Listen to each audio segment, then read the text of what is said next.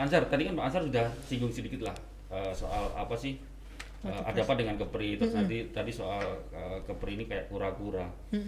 Jadi mungkin bisa diulang lagi Pak, alasan atau motivasi apa nih Pak Pak Ansar ini uh, menjadi ca- calon anu, mencalonkan diri ya.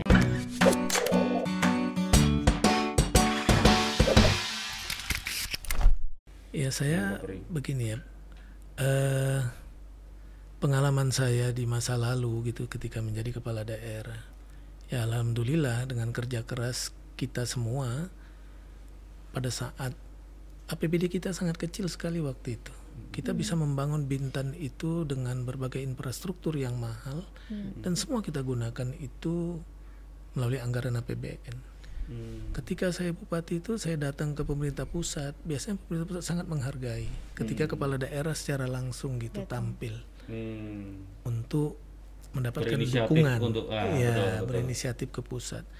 Maka saya kira untuk provinsi ini tidak ada alasan kalau provinsi ini tidak bisa berlari dengan cepat. Kalau kita bicara provinsi Kepri, apa sih yang tidak ada potensinya? Posisi strategisnya oke. hmm, Kemudian kawasan ini kawasan yang dekat dengan pusat pertumbuhan ekonomi di Asia seperti iya. Singapura, hmm, Selat Malaka juga lalu lintas perdagangan yang sangat sibuk.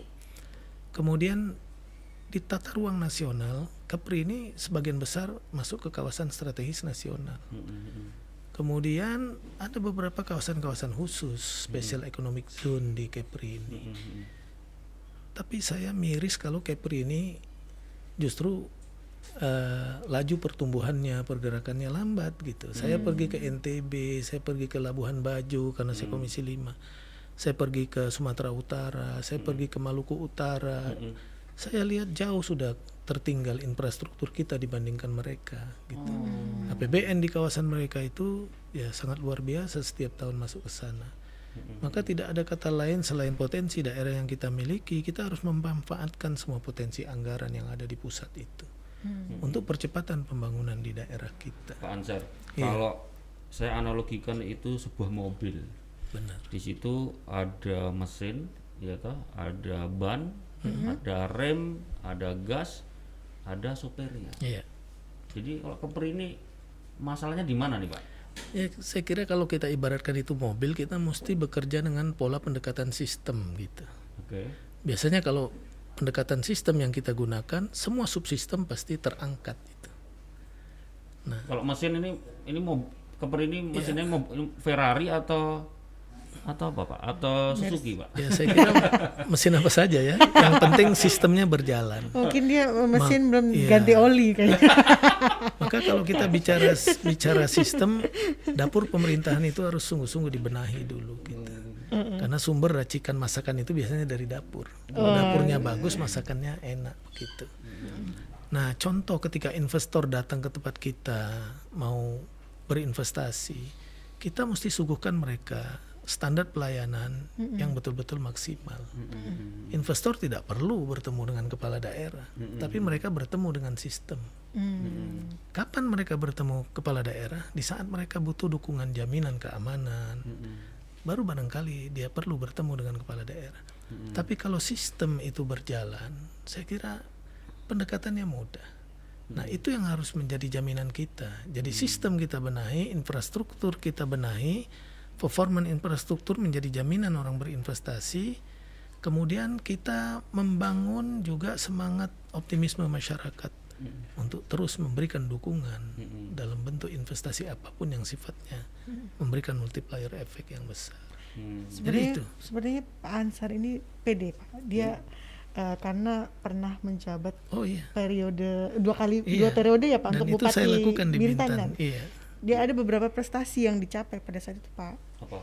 Jadi pernah memimpin Bintan, terus angka kemiskinan dari 14,5 persen tahun 2005 menjadi 12,47 ya Pak. Oh bukan. Itu- Itu, 2005 itu 14,7 persen. tuh. Oke. Kita tinggalkan waktu itu tinggal 3,9 persen. Tuh. Hmm. Angka Iya, kemiskinan. pantesan teman saya yang orang sekarang kayak anak orang kaya Pak.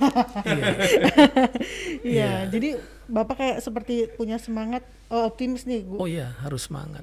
Gitu, Pak. Pemimpin harus semangat. Cie. Iya, Iya, iya, iya, akan iya, mengulang iya. keberhasilan prestasi-prestasi yang sama. iya, insya Allah.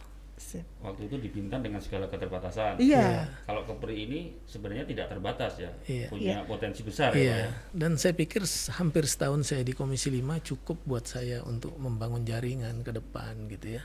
Satu tahun itu cukup. Ya, saya kira cukup karena ya bidang saya memang bidang yang berkaitan dengan sesuatu yang yang lingkupnya besar gitu di daerah. Ya bayangkan Kementerian PU, Perhubungan, Kementerian Desa, gitu, kemudian Basarnas, kemudian BMKG. Saya kira eh, lingkup itu sangat kita butuhkan untuk membangun performan infrastruktur kita. Gitu. Tapi ngomong-ngomong soal rencana ke depan nih, seperti yang tadi saya bilang, saya ngeliat poster bapak nih Iya iya. di depan di depan gerbang ini pak. Heeh. Oh iya iya. Tiba-tiba, "Wih, kok udah ada fo- apa Iya, foto iya, Pak iya. Ansar Pak dengan Ansar dan- Ibu Marlin. Oh, iya, ini mungkin Pak. Ansar dengan Nita. ya. Enggak dong Pak. Ini saya kaget tuh pas lewatin. Ini kenapa Ibu Marlin Pak? Iya. Adakah alasan tertentu mengapa Iya. berpasangan? ya pasti ada dengan- hubungannya Iya. dengan Golkar, ada pasti Pasti, pasti. Kenapa Pak? Yang pertama kedua, Marlin. yang pertama dua partai ini partai besar. Mm-mm. Jadi kalau dua kekuatan ini disatukan secara politis itu kita sudah mendapat dukungan tiket untuk mencalonkan yang sudah lebih pasti. Gitu. Yang kedua Ibu Marlin karena pemilih sekarang ini juga eh, banyak didominasi oleh kaum perempuan. Hmm. Jadi persoalan gender ini selalu menjadi persoalan yang ya hari ini mencuat di tengah masyarakat. Betul. Kepri Maka, parti- partisipasi benar. pemilihnya lebih besar perempuan. Iya, maka saya memilih Ibu Marlin. Eh, Yang ketiga, ya dalam uh, pilkada seperti ini tentu kita bicara juga peta wilayah. Oke. Nah, peta wilayah, saya kemarin ketika pemilu legislatif dapat suara tuh hampir 139 ribu. terbanyak nih. Iya. Terbanyak. Ansari terbanyak. Itu 115 ribuan itu saya dapat di luar Batam. Malah di luar Batam, Di luar Batam, Oke. karena saya waktu itu jarang muter di Batam karena Iya, saya udah iya, iya. persiapkan calon yang perhitungan saya punya suara di Batam kuat tapi ternyata meleset. Mm-mm. Nah, di Batam saya hanya dapat 22 ribu lebih aja waktu itu. Mm-mm. Jadi kalau dua wilayah ini diperkuat dengan calon yang masing-masing punya basis di wilayah ini, ya mudah-mudahan itu juga mempermudah gitu bagi kita. Kebayang nggak nih? Nah, gitu Kebayang kita, Mas Hah? Danang. Kebayang nggak dikit sih ini. Strateginya Pak Ansar Iya. tadi. Jadi kalau ngomong-ngomong kue itu eh, tetap tetap besar gitu, Iya. nggak ngumpul di sepotong dua Iya, potong kue gitu. iya. Kuenya Pak Ansar nanti Iya. bisa. Iya sih, baca-baca Berbagi memang begitu. Iya. akan menjadi koalisi terbesar di Kepri gitu. Ya, ya. insya Allah. Koalisi terbesar 2024 juga katanya. Oh, ini dia nih. Enggak, maksud saya gini Pak. Eh, selain memang tokoh perempuan selain Bu Marlin sempat nggak ada yang sempat apa dilirik itu melirik yang lain itu Eh, atau kayaknya pandangan Iya. pertama langsung wah Bu Marlin. Bu Marlin. karena pertama itu memang nama yang mencuat Bu Marlin, gitu. Nah selain itu kan Ibu Marlin juga punya pengalaman karena beliau istri wali kota ya. Saya kira ya belasan gitu organisasi yang beliau pimpin, termasuk beliau ketua PKK, beliau ketua Patayat NU dan banyak lagi organisasi kemasyarakatan majelis-majelis taklim beliau pimpin. Mm-mm. Saya kira itu sudah jadi modal dasar gitu bagi beliau gitu. Dan segmen beliau kan menyeluruh gitu di Batam. Mm-mm. Beliau bukan wanita yang dipilih atau ditentukan di salah satu dapil untuk dipilih gitu, seperti anggota legislatif gitu. Tapi beliau kan ngurus Batam secara menyeluruh. Jadi saya kira lingkup beliau itu seluruh Batam. Beliau punya basis juga di Karimun karena beliau memang Karimun. uh, Asli Karimun. asli dari Karimun. Ya, jadi memang kita meramu itu secara politis strategis yang insya Allah meyakinkan kita kita bisa bangun dua kekuatan ini kita satukan. Hmm. Iya iya iya. iya. Kekuatan. Pak, tapi statusnya masih anggota DPR kan sekarang? Masih, Masih, masih. masih. Ini eh, semoga Bu Marlin nonton. ya. semoga minggu, minggu depan Bu Marlin Mau ya? gitu Oh iya iya iya. Kita tunggu-tunggu Bu Marlin. Iya, ya. benar. Biar ada kacamata dan Ah, ah, pandang Nah, cara itu. pandang wanita. Iya. Tolong Bu didengarkan Pak Ansar. Kita tunggu Bu Marlin nanti di Iya, studio kita kita. tunggu banget Bu di Iya. sini. Hmm. Pak, kalau ngomong-ngomong soal masuk ke dunia pil apa ke pilkada nih pasti ada dong siapa yang menjadi saingan terberat Saya kira semua saingan pasti berat. berat Biasanya orang selalu kalah ketika orang merasa overconfidence, Hmm. merasa yang lain itu ringan, Mm-mm. merasa yang lain itu kecil. Maka saya sama sekali yakin calon-calon kami yang lain itu juga punya kekuatan yang cukup. Maka kuncinya ya kami mesti bekerja keras, gitu. Wis, luar Di dalam Islam itu kan bahasa takabur itu itulah kira-kira. Iya. Jangan sekali-kali takabur. Iya, Insya betul, Allah. betul. Pak Ancar, kemarin kan di beberapa di media online dan di sosial media kan sempat ada muncul apa survei Indobarometer itu. Ya mungkin Pak Ancar ini ya. Ada Pak Isdianto, ada Pak Ancar Ahmad, ada Pak Suryo, kemudian ada Pak Ismet. Eh, menurut Pak Ancar gimana Pak survei itu? Ya saya tidak mengecilkan lembaga survei apa pun gitu, Mm-mm, tapi saya tentu yakin dengan survei yang yang sejak awal memang waktu itu dibuat oleh Nasdem gitu.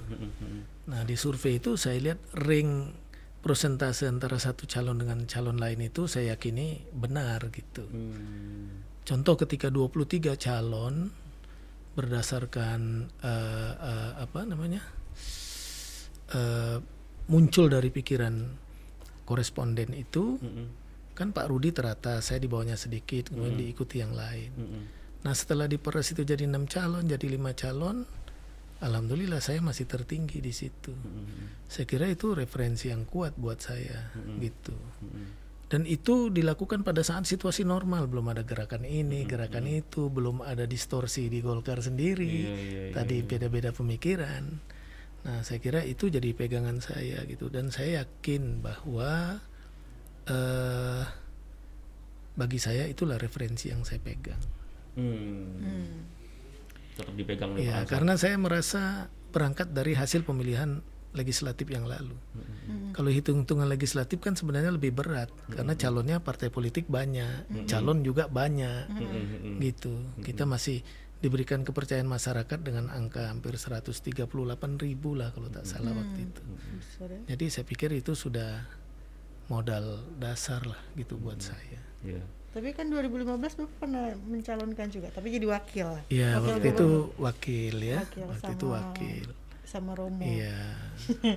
Ini mau calonin lagi nih, kayak seperti ada sesuatu yang memang tadi ya mungkin. Ya alasannya tadi. Tapi kalau boleh memang ya kali ini saya mesti naik kelas lah. Eh. Takkanlah saya dulu calon wakil terus saya jadi anggota DPR RI, saya kembali lagi calon wakil.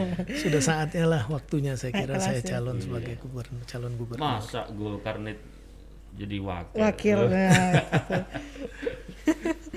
Pak Pancar, apa?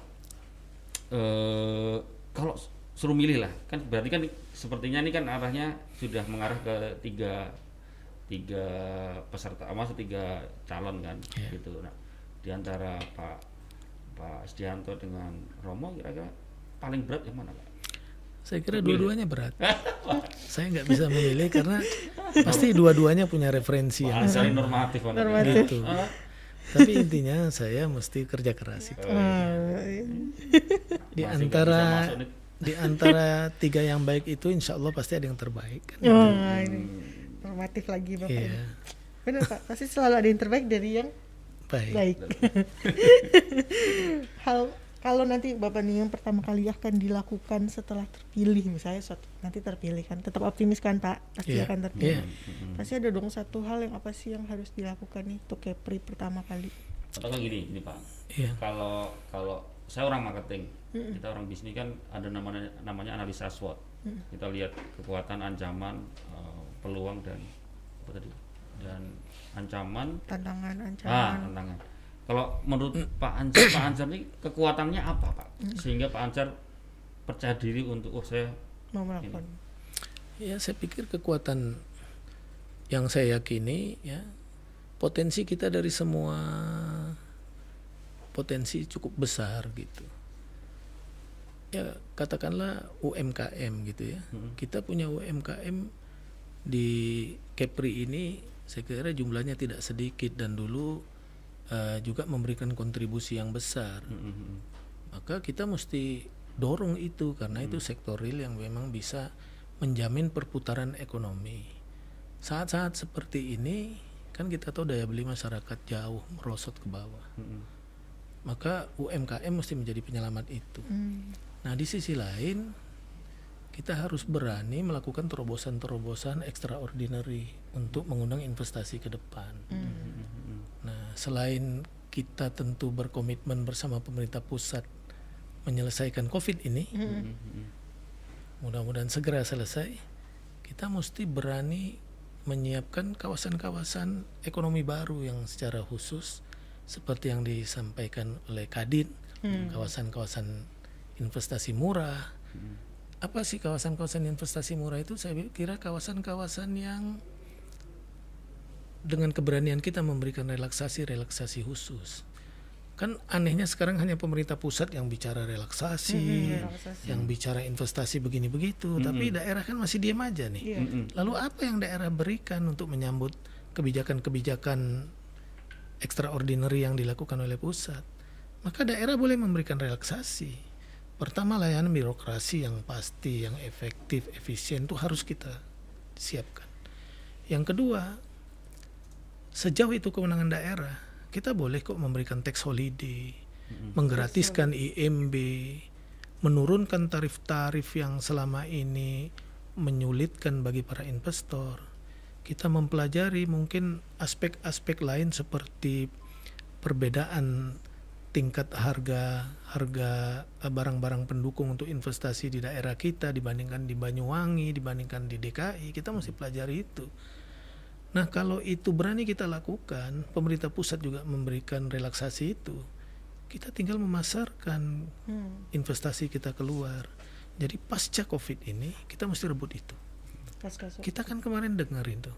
Karena trade war atau perang dagang Cina dan Amerika itu. Kan 150 investasi Amerika di Cina itu akan ditarik. Mm-mm. Betul. Kita harus bawa itu ke Indonesia, Kesempatan khususnya ke. Kepri, Kepri, ke ya. Batam. ya, kalau nggak bisa manfaatin Iya, ya. privilege Hong Kong juga akan segera dicabut oleh Amerika. Hmm. Sebentar lagi tentu mereka akan merelokasi investasinya. Mm-mm. Mari kita sama-sama jadikan Batam ini Hong Kong barunya Indonesia. Hong Kong. Gitu, jangan sampai mereka ke Vietnam, ke Kamboja, ke mana-mana. Sayang itu.